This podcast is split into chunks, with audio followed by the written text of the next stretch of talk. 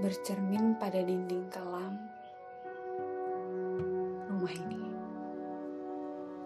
Aku berbicara pelan tentang maukah aku berujar mundur dan berputar arah.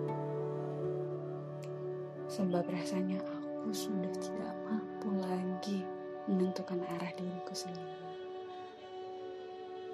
Tundukkan egomu, rendahkan hatimu,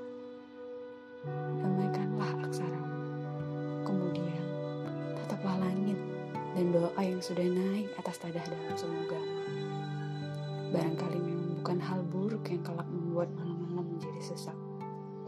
Barangkali hal baik, atau bahkan sebuah rahasia yang tak berani kita bagi berdua, yang selalu kita tunda-tunda, yang kita tahan, dan dalam kebisuan masing-masing. Kita tahu betapa kita saling menginginkan, tapi begitu pun tak pernah berdaya untuk apa-apa. Sebilang lariku ini tentang cinta daripada kau tak bertujuan. Mungkin aku harus beruntai-lantai untuk berganti wajah kejamku dalam waktu sepekan. Maka bangunlah Nona, tiadalah pasti untuk